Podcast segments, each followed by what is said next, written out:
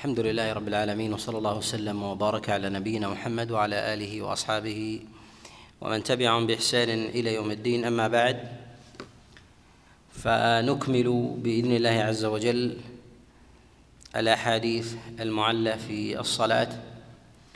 وتكلمنا في مجالس متعددة على الأحاديث التي تكلم فيها العلماء في أحكام الصلاة وهي أصول في بابها.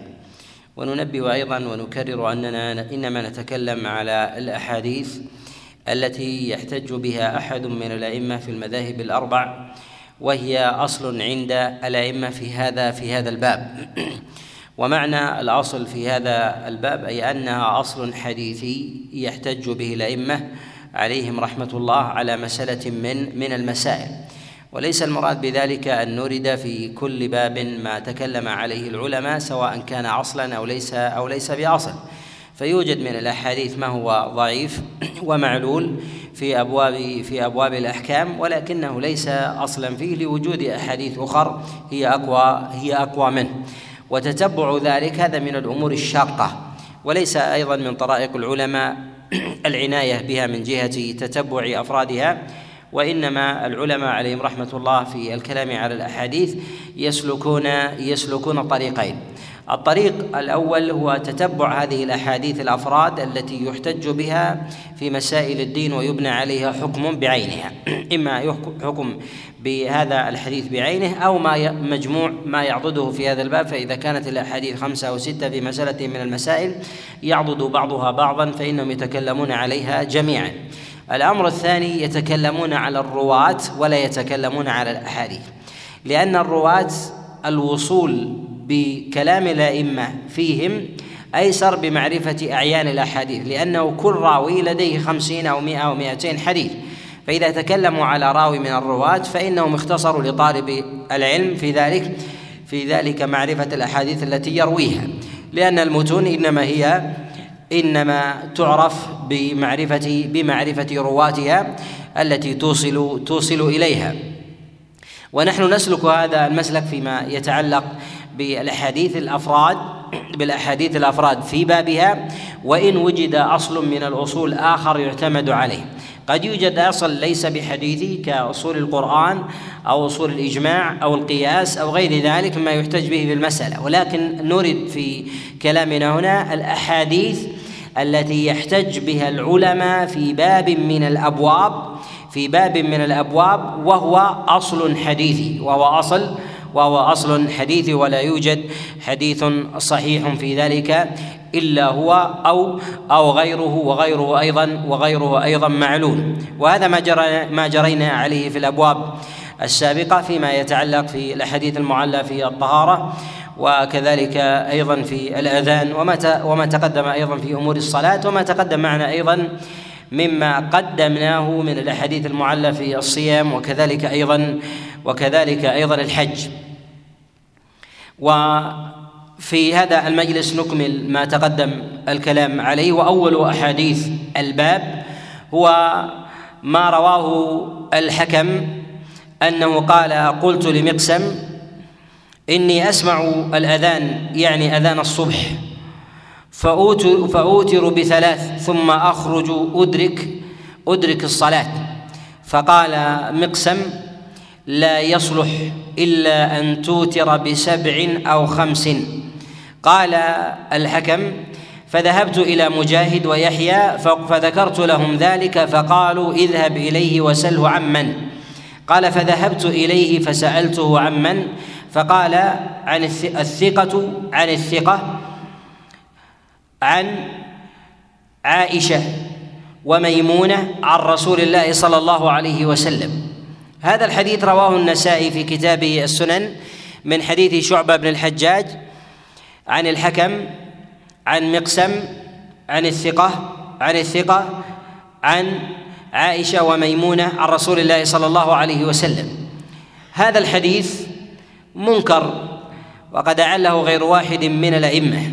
وهذا الحديث يتكلم العلماء فيه في مسألة الإيتار بثلاث هل هي مشروعة أو ليست أو ليس أو ليست مشروعة. ويأخذ به بعض الفقهاء من السلف وهم قلة أنهم يكرهون الإيتار الإيتار بثلاث بثلاث جملة سواء سواء سردها أو فصل أو فصل بينها. وهذا الحديث الذي يحتج به وهو ما جاء عن عائشة وعن ميمونة حديث حديث منكر. وعلته في ذلك ظاهرة وهي الجهالة في الرواية فيما بين فيما بين مقسم وعائشة وميمونة عن رسول الله صلى الله عليه وسلم. والجهالة هنا متكررة فإنه يروي ثقة عن ثقة عن عائشة وميمونة. والتوثيق من مقسم هنا في قوله عن الثقة عن الثقة عن عائشة وميمونة عن رسول الله صلى الله عليه وسلم هذا توثيق عنده هذا توثيق عنده وما كان ثقة عنده لا يلزم أن يكون ثقة عند عند الأئمة عند الأئمة فإنه يغلب على الطالب أن يحسن الظن بشيخه ويكون شيخه ليس بالمقام ذاك. ولهذا يوجد عند حتى بعض الأئمة أهل الفضل والجلالة من يحدثون عن بعض الرواة من شيوخهم ويصفونهم بالتوثيق وذلك لبعض لبعض مقام إحسان الظن أو ربما ما يتعلق بمسألة بمسألة الديانة أو الفقه ولكن بابنا ما يتعلق بمسألة الضبط لأن الضابط لا يلزم أن يكون فقيها فإذا أدى الحديث كما سمعه ولو لم يكن فقيها فإن هذا يكفينا. فإن هذا يكفينا. وأما إذا كان فقيها وليس بحافظ ويغير في الحديث فإننا نطعن فيه ولا نطعن في جلالته وقدره في أمور الإمامة في أمور الإمامة في الدين في مسائل الورع وكذلك أيضا وكذلك أيضا الفقه. وبهذا نأخذ ونعلم أن مقسم أن مقسم مدلس ومعلوم لدينا أن التدليس يثبت يثبت بوجهين. أن التدليس يثبت يثبت بوجهين. الوجه الأول أن يثبت عن راو أنه حدث عن راو بلا واسطة ثم جاء من وجه آخر فذكر فذكر الواسطة فذكر الواسطة وبين أنه لم يسمع. وبهذا نتيقن أنه قد دلس في غير في الطريق في الطريق الأولى. الحالة الثانية أو الوسيلة الثانية في معرفة موضع في معرفة تدليس الراوي أن ينص الأئمة على تدليسه ممن عاينه أو سبر حديثه. أن ينص الأئمة على على ذلك. ونصهم على ذلك ذلك لأن الطرق والمتابعات قد ذهب قد ذهب كثير منها عن أنظار المتأخرين عن أنظار المتأخرين.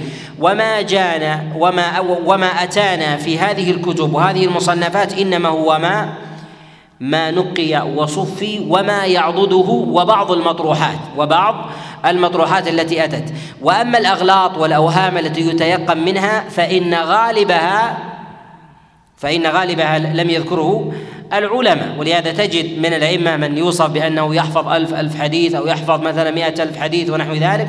ولكن المنقول عنه إما خمسة آلاف أو عشرة أو عشرة آلاف. فالمروي عن البخاري رحمه الله وما بين أيدينا في كتابه الصحيح كذلك أيضا ما في كتابه التاريخ وما كان خارج كتبه عليه رحمة الله لا يساوي لا يساوي محفوظه الذي الذي لديه وما يذكره عنه الأئمة عليهم رحمة الله. إذا أتى للأئمة للناس من بعده بالحديث الصحيح والحديث المعلول خشية أن يقع فيه اللبس. وما يحتاج إليه الناس. وأما الأغلاط والأوهام التي يسمعها الإنسان فإن النفوس تطويها ولا ولا ترويها. يستفيد منها الإنسان طرحا في الراوي ثم يصدر في ذلك حكمه. ولهذا حكم الأئمة عليهم رحمة الله على بعض الرواة أنهم من المدلسين يحكمون على راو بعينه أنه مدلس أو دلس في هذا الحديث بعينه. هذا لا يحكمون عليه كسبر المتأخرين فإن سبر المتأخرين قاصر. سبر المتأخرين قاصر. وذلك لضعف الأحاديث ضعف الحفظ لدى لدى الناس. لهذا الأئمة عليهم رحمة الله الأوائل يعرفون تدليس الرواة إما بالمعاينة بمعاينتهم بسماعهم بأقوالهم ونحو ذلك. فإذا ثبت لديهم أنه دلس في قول ولو لم يدون وصفوه وصفوه بالتدليس.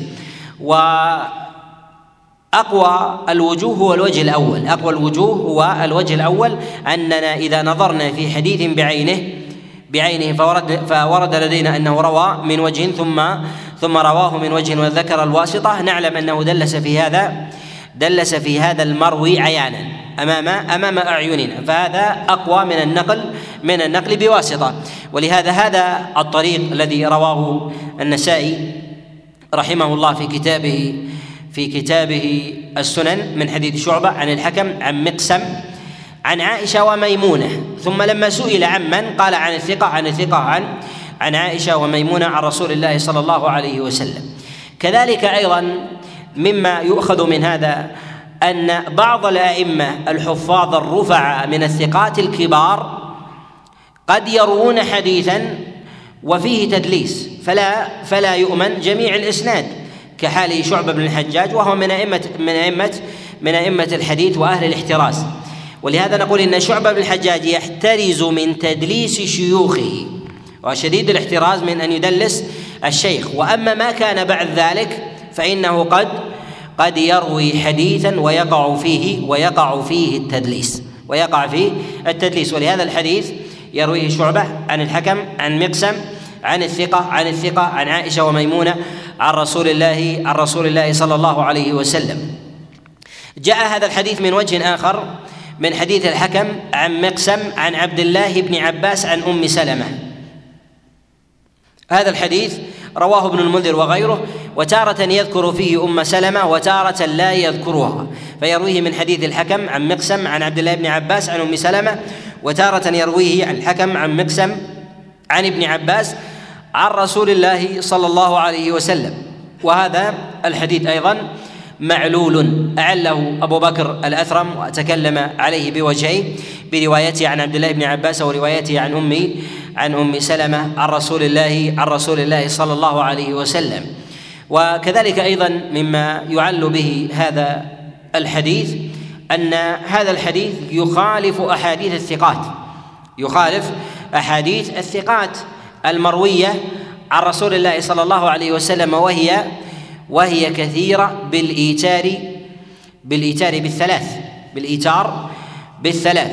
وهنا في هذا الحديث في حديث عائشة وميمونة وعبد الله بن عباس وأم سلمة في أن الإيتار بالثلاث لا يصلح إما قال أقل الوتر خمس أو سبع ولا ولا وتر بثلاث. هذا هذا الحديث ويخالف الأحاديث المستفيضة عن رسول الله صلى الله عليه وسلم بالايتار بالثلاث جاء في ذلك جملة من الأحاديث عن النبي عليه الصلاة والسلام منها المرفوع ومنها الموقوف على الصحابة عليهم رضوان الله. وهذا الأمر فقهه مستفيض وإن لم يكن مستفيضا على سبيل الاصطلاح عند المحدثين إلا أنه ثابت عنه عليه الصلاة والسلام. وهذا من مواضع الخلاف عند العلماء في مسألة الوتر هل يوتر بثلاث متصلة أو يوتر ب أو يوتر بها منفصلة فيفصل فيفصل بينها. هذا خلاف معروف حتى عند عند السلف عليهم عليهم رحمة الله. ومن الصحابة عليهم رضوان الله من يقول بالفصل وهذا جاء عن عبد الله بن عمر عليه رضوان الله فإنه كان يفصل وربما أمر بقضاء بعض حاجته بين الركعتين والركعة بين الركعتين والركعة وجاء ذلك عنه بإسناد صحيح كما رواه عنه نافع عن عبد الله ابن عمر عليه رضوان الله. ومنهم من يرى ومنهم من يرى الوصل من يرى الوصل. منهم من يراه من يراه فاضلا. ولا يمنع ولا يمنع ولا يحرم عن غيره. ومنهم من يراه حتما وينهى عن غيره. من يراه حتما وينهى عن الواحدة. وينهى عن عن الواحدة. وهذا خلاف بين مدرسة بعض أهل العراق كالكوفيين فإن الحسن البصري يحكي الإجماع على أن الوتر ثلاث. يحكي الإجماع على أن الوتر ثلاث بل يقول أجمع المسلمون. يقول أجمع أجمع المسلمون ولعله يريد بذلك هو العمل ما كان عليه ما كان عليه أهل أهل البصرة كما رواه ابن أبي شيبة عنه في المصنف عن عمرو عن الحسن. عليه عليه رحمة الله وعلى كل ذلك ثابت كله. الإيتار بواحدة والإيتار والإيتار والإيتار بثلاث. ويأتي معنا بإذن الله عز وجل في حديث عائشة عليها رضوان الله الكلام في ذلك.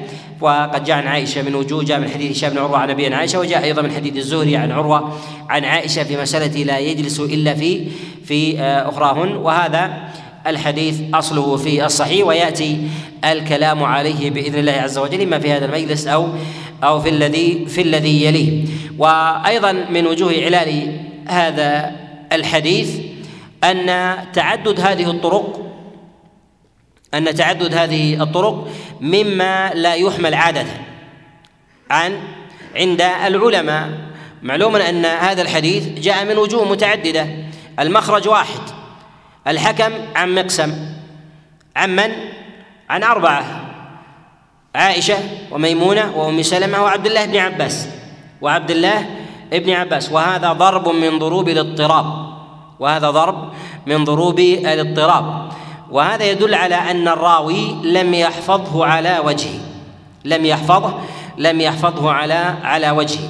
والحكم وإن كان من الأئمة وأهل الفقه إلا أنه ربما رفع بعض الموقوف إلا أنه ربما ربما رفع بعض بعض الموقوف وأخذ عليه في ذلك. كذلك أيضا الجهالة الواردة في هذا الإسناد يعني في ذلك أنه ربما وقع في ذلك من الجهل أو فهم الموقوفات على أنها مرفوعة فروي في ذلك عدة عدة طرق. ثم أيضا لو كان ثابتا عن هؤلاء الأربعة من الصحابة عليهم رضوان الله لا استفاض استفاض عنهم ذلك. استفاض عنهم ذلك وأصبح وأصبح مشهورا خاصة أن من هؤلاء الأجلة من الصحابة من فقهه يشتهر ويستفيض من فقهه يشتهر ويستفيض كحال عبد الله ابن عباس ثم عائشة ثم أم سلمة ثم ميمونة عليهم عليهم رضوان الله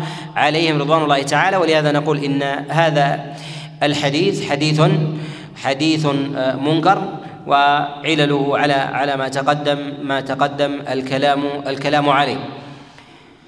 وأيضا ربما يرد ببعض عمل أهل المدينة في ذلك وذلك أنه جاء عن جمهورهم الإيتار بثلاث. جاء عن جمهورهم جمهورهم الإيتار الإيتار بثلاث. وهذا جاء عن فقهاء المدينة السبعة كسليمان بن يسار وسعيد بن المسيب وخارجة بن زيد وعروة وأبو بكر وغيرهم من فقهاء فقهاء المدينة. وهذا مثل هذا لو كان النهي عن النبي عليه الصلاة والسلام ثابت ومستفيض لكان أعرف الناس به وهم أهل الفقه من أهل المدينة. ولهذا نقول إنه ينبغي لطالب العلم في مسائل الإعلال إذا وقف على حديث من الأحاديث في المسائل اليومية والأحكام الظاهرة أن ينظر إلى فقه إلى فقه أهل المدينة. أهل المدينة في الأعمال اليومية هم في الغالب حكموا في مسائل الإعلال والترجيح. حكم في مسائل الإعلال والترجيح. ولهذا في مسائل الوتر في مسائل صلاة الجماعة في مسائل المواقيت في مسائل الوضوء وغير ذلك هذا لا بد أن يكون مستفيضا مستفيضا ظاهرا عندهم. وقد نقول إن الأعمال اليومية التي يعملها الإنسان كل يوم كالوتر وغير ذلك لا يمكن أن يكون عمل فقهاء المدينة السبعه على خلافها. إلا وهم يعلون الحديث إلا والحديث إلا والحديث في ذلك معلوم. لا نرد بذلك الحديث الثابت وإنما نعل الحديث بذلك العمل بذلك العمل لأن مثل هذا الأمر مما مما يستفيض لو ثبت ذلك عن رسول الله صلى الله عليه وسلم وهؤلاء الأجلة هم سادة أهل المدينة وهم أعرف الناس بالنقل. لو ثبت النهي عن رسول الله صلى الله عليه وسلم أو عدم مناسبة الاتيان بثلاث لكان ذلك لكان ذلك مشهورا مستفيضا مستفيضا عندهم. نعم. نعم.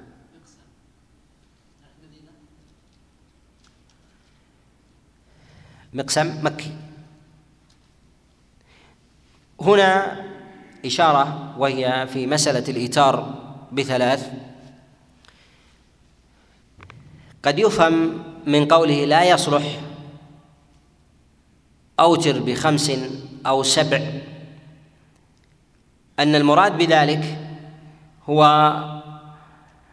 أن لا يكون حظك من الليل ثلاث ركعات وإنما خمس أو سبع.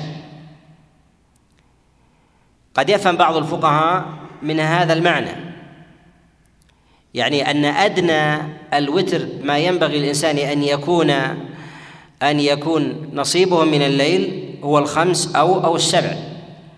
فالنهي يتوجه إلى إلى صفة الصلاة لا إلى عددها.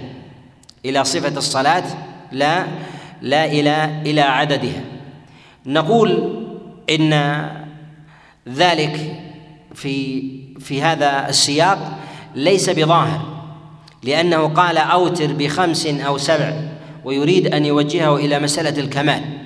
يريد أن يوجه إلى مسألة الكمال وقطعا أن مسألة الكمال هي عند الفقهاء من أهل المدينة وغيرهم هي إحدى عشر و وما زاد. إحدى عشر وما وما زاد. لو قال أوتر بإحدى عشر لا توتر بثلاث لكان ذلك ظاهرا. لكان ذلك ذلك ظاهرا. الحديث الثاني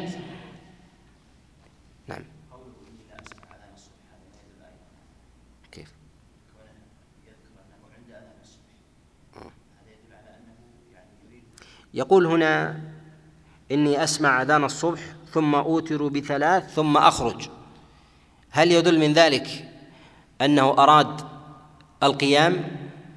يكون هذا قرينة على أنه أراد أصل قيام الليل والإيتار؟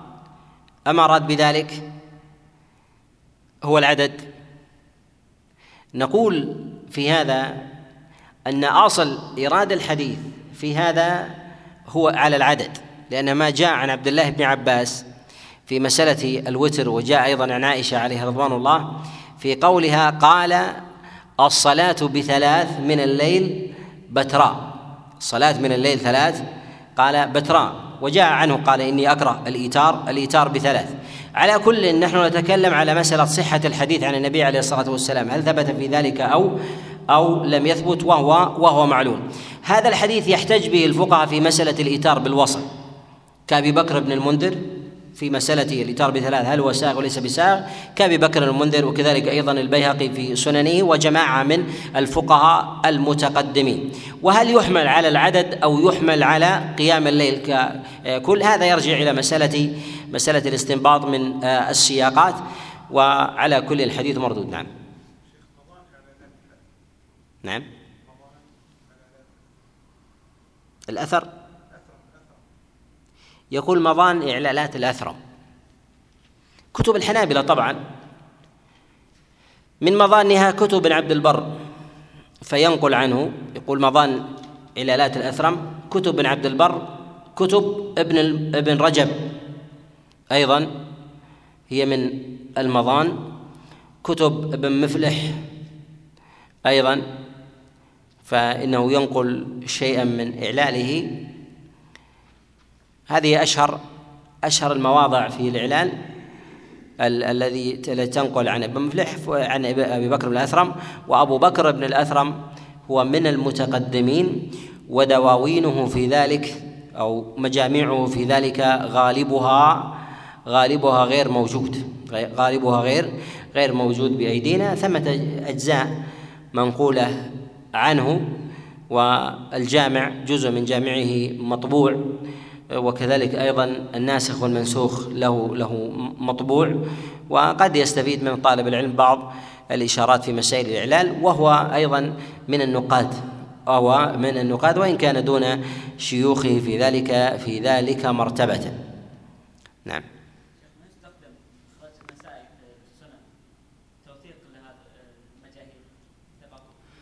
يقول يقول هل نأخذ بإخراج النسائي رحمه الله لهذا الحديث في سننه توثيق لهؤلاء؟ لا. النسائي رحمه الله ربما يورد الحديث في سننه ويريد بذلك إعلالا خاصة السنن الكبرى.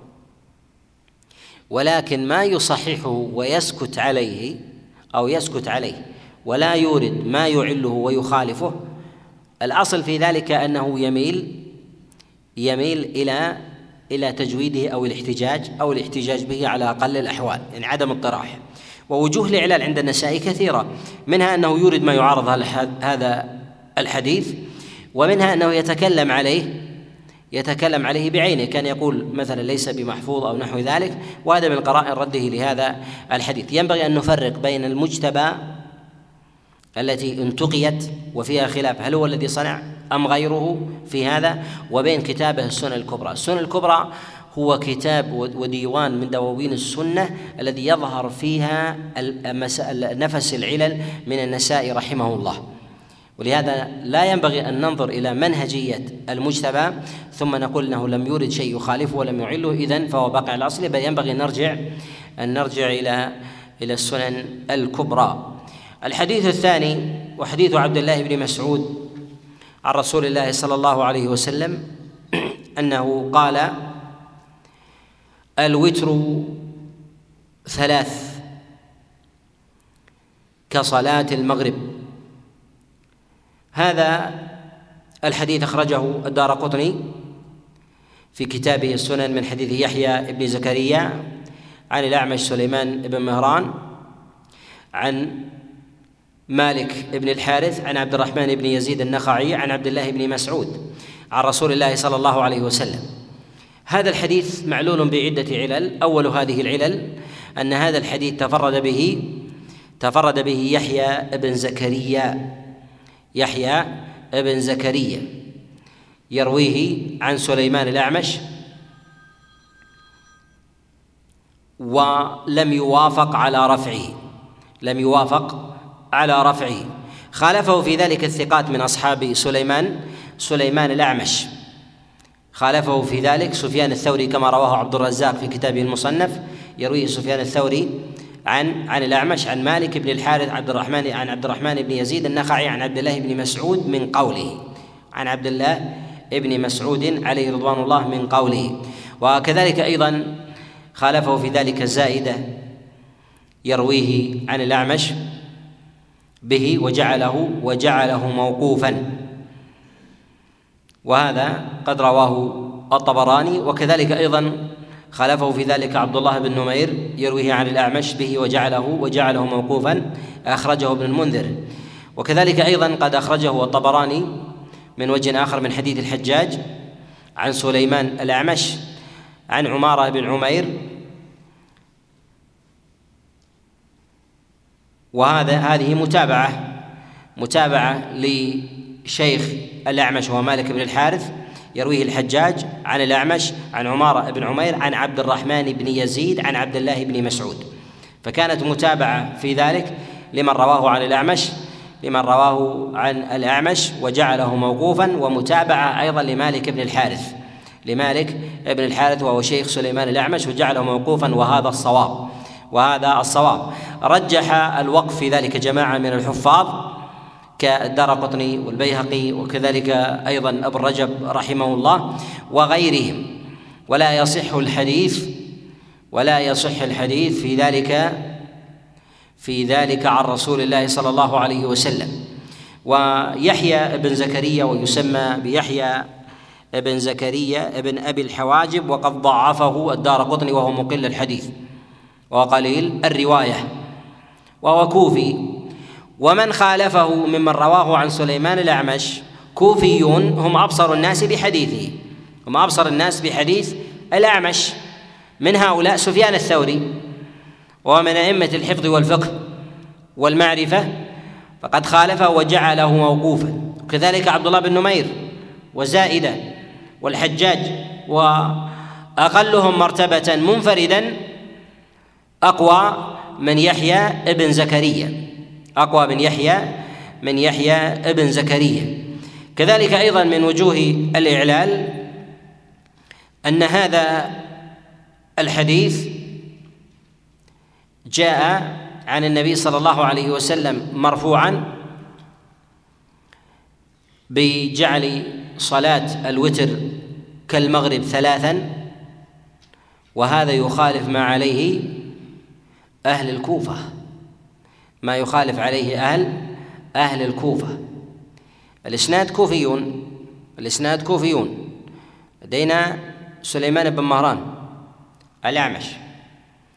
من يروي عنه تلامذته سواء الضعيف أو الثقة يحيى بن زكريا سفيان الثوري كذلك أيضا الحجاج. هؤلاء أيضا شيوخ شيوخ شيوخه في هذا الإسناد عبد الرحمن بن يزيد النخعي أيضا وهو من أئمة الفقه من الكوفيين. وهذا الحديث يخالف يخالف ما لديهم من العمل. صح عند ابن أبي شيبة عن إبراهيم النخعي أنه قال كانوا يكرهون الوتر بثلاث. كانوا يكرهون الوتر الوتر بثلاث. وهذا إسناده صحيح. وقول عبد الله وقول إبراهيم النخعي كانوا يريد بذلك أصحاب عبد الله بن مسعود. أصحاب عبد الله بن مسعود وما كان عليه العمل في تلك في تلك الطبقة. وذلك يحتمل أن الكراهة الواردة عندهم إما أن تكون المراد بذلك بالمشابهة في المغرب وهذا أيضا يرد به ذلك الحديث لأن هذا الحديث الذي جاء مرفوعا إلى رسول الله صلى الله عليه وسلم أنه قال الوتر ثلاث كصلاة المغرب الوتر ثلاث كصلاة صلاة المغرب يعني أن الإنسان يتشهد ثم ثم يقوم وهم يكرهون ذلك. هل الكراهة عند الكوفيين هي الكراهة مع التشهد؟ المراد بذلك هو العدد ألا يسلم إلا إلا في إخراهم نقول إن الحديث في ذلك في حديث المرفوع في ذلك أنه جعلها كالمغرب يعني بتشهد. ومن قال بالكراهة السرد من غير جلوس فإنه من باب أولى يقول في مشابهته بالمغرب من باب أولى في الكراهة. ولهذا الحديث قطعا ما جاء في المرفوع عن النبي عليه الصلاة والسلام يخالف ما هم عليه.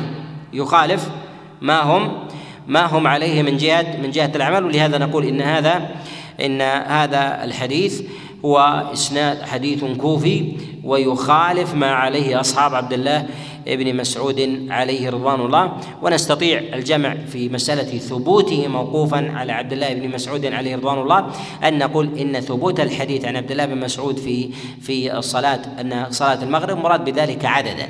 أن المراد بذلك أن المراد بذلك العدد.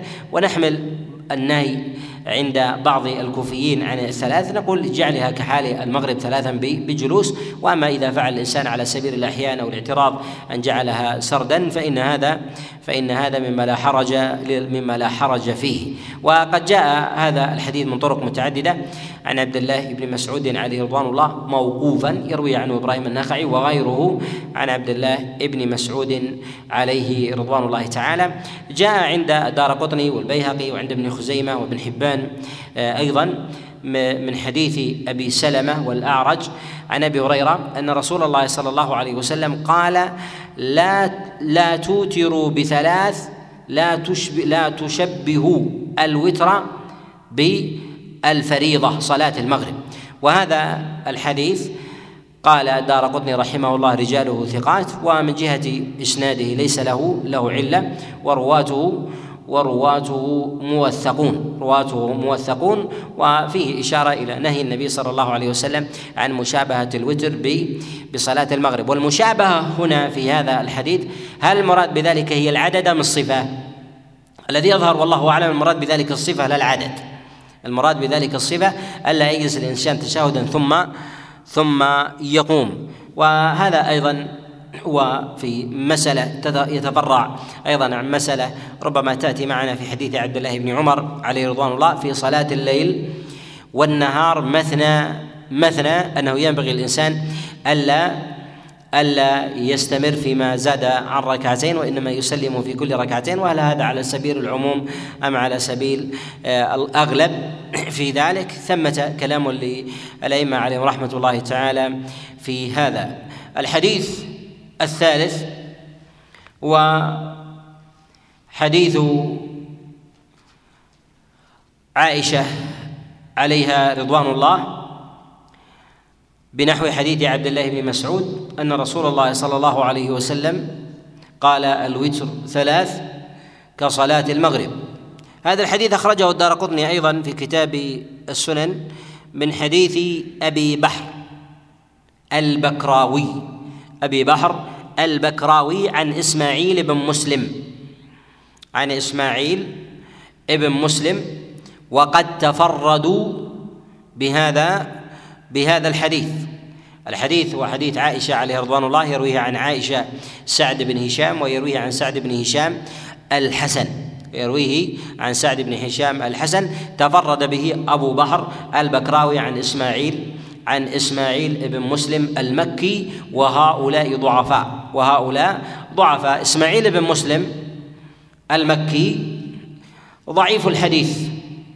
ترك حديثه ابن المبارك ويحيى بن سعيد القطان وكذلك بن مهدي ورد حديثه كذلك علي بن المديني وأحمد بن حنبل والنسائي وغيرهم وكذلك أيضا أبو بحر البكراوي عبد الرحمن البكراوي وهو ضعيف الحديث. ضعفه غير واحد من الأئمة. كذلك أيضا فإن مما يعل به هذا الحديث أن التفرد فيه جاء متاخرا. أن التفرد فيه جاء جاء متأخرا. فإن فإنه فإن هذا الحديث يتفرد به أبو بحر عن إسماعيل بن مسلم وهذه طبقة متأخرة. وتفرد به أيضا عن الحسن البصري عن سعد بن هشام عن عائشة عليها رضوان الله. وهذا مما لا يقبل لأن هذا الحديث مليء بالفقهاء. النقلة على رأسهم عائشة عليه رضوان الله ومثل ذلك مما يضبط يضبط عنها لو كان لو كان معروفا لو كان معروفا. الحديث الرابع وحديث أبي سعيد الخدري. أن رسول الله صلى الله عليه وسلم قال لا توتروا بواحدة فإنها بتراء. هذا الحديث رواه ابن عبد البر رحمه الله في كتابه التمهيد. من حديث عثمان بن محمد بن ربيعة. من حديث عثمان ابن محمد بن ربيعة عن عبد العزيز بن محمد الدراوردي عن عمرو بن يحيى عن أبيه عن أبي سعيد عن رسول الله صلى الله عليه وسلم. وهذا الحديث حديث منكر. هذا الحديث حديث حديث منكر. تفرد به عثمان بن محمد ابن ربيعة عن عبد العزيز بن محمد الدراوردي. وهو يغلط ويهم. وقد ذكر العقيلي رحمه الله أن له أوهام وأغلاط. أعني عثمان بن محمد بن ربيعة. وهذا الحديث من مفاريده. ثم أيضا الغرابة في إسناد هذا الحديث. عن أبي سعيد فإنه لا يعرف إلا من هذا الوجه.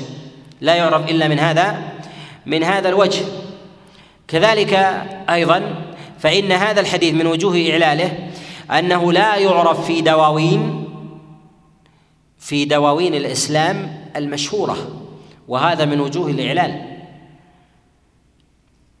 لا أعلم أحدا من الأئمة من أهل التصانيف المشهورة قبل ابن عبد البر رواه مسندا رواه رواه مسندا.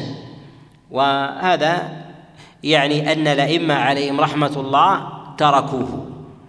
وذلك أن مثل هذا النهي عن النبي عليه الصلاة والسلام في قو في نهي عن الايتار بواحدة وقولها وقوله بتراء إشارة إلى إلى أمر أو عمل مهم يومي عمل مهم يومي ومثل هذا ينبغي أن يشتهر.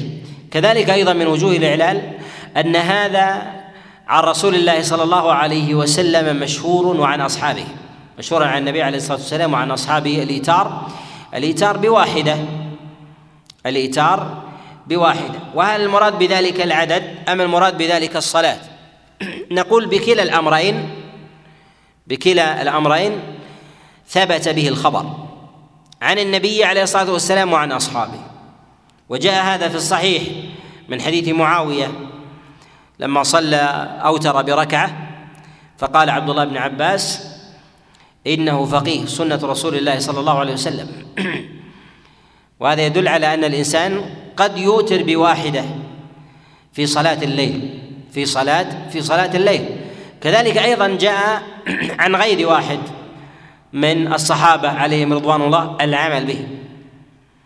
ومثل هذا النهي لو كان ثابتا عن رسول الله صلى الله عليه وسلم لاستفاض لاستفاض واشتهر. لاستفاض واشتهر وعرف في دواوين الإسلام واعتنى به واعتنى به النقلة. في سؤال أخوان. سمير نعم. نعم.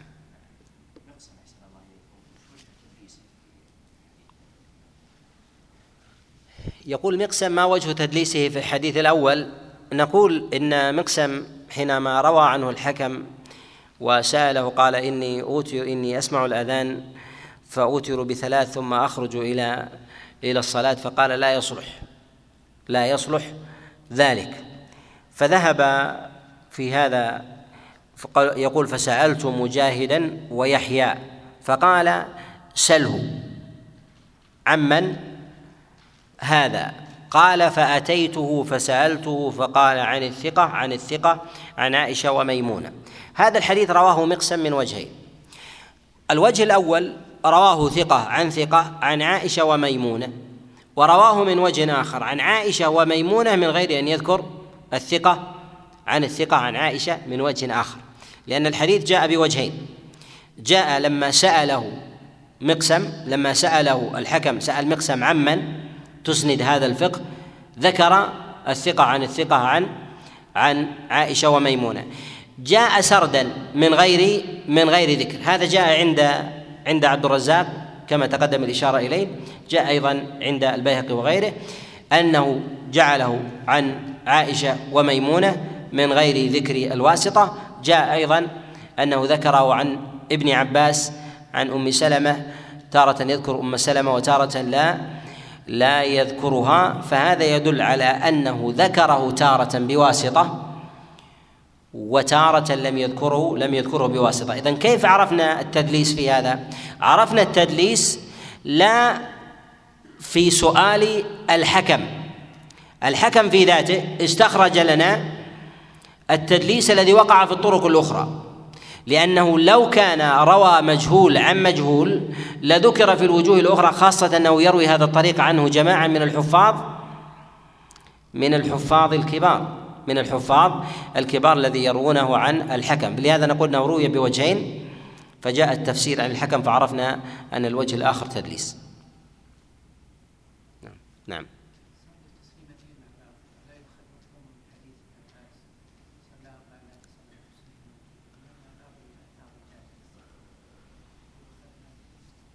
يقول آه، هل يؤخذ هذا في حديث عبد الله بن عباس النبي عليه الصلاة والسلام صلى أربعا لا يسأل عن حسنهن وطولهن أن المراد بذلك هو السرد؟ نقول هو أراد الاشتراك بالوصف من جهة الطول من جهة الطول ولم يرد بذلك أنها أنها تامة من غير من غير فصل. لو كان إطلاق العدد في ذلك يقول صلى أربعا للزم من هذا أن نقول في كل قيام الإنسان كما قالت عائشة النبي عليه الصلاة والسلام كان أكثر وتره في الليل 11 هل يلزم من هذا أنها تكون متصلة؟ لا يلزم من هذا، نقول إنه أراد في ذلك العدد وما اشترك به هذه الأربع اشتركت بالحسن والطول.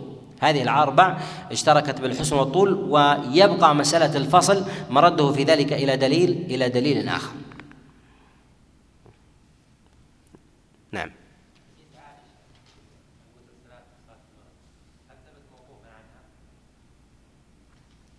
يقول حديث عائشة في الوتر ثلاث هل ثبت موقوف عنها؟ جاء من حديث سعيد بن المسيب عن عائشة عليه رضوان الله رواه ابن المنذر في كتابه الأوسط وهو معلول وهو معلول. وبالله التوفيق صلى الله وسلم وبارك على نبينا محمد.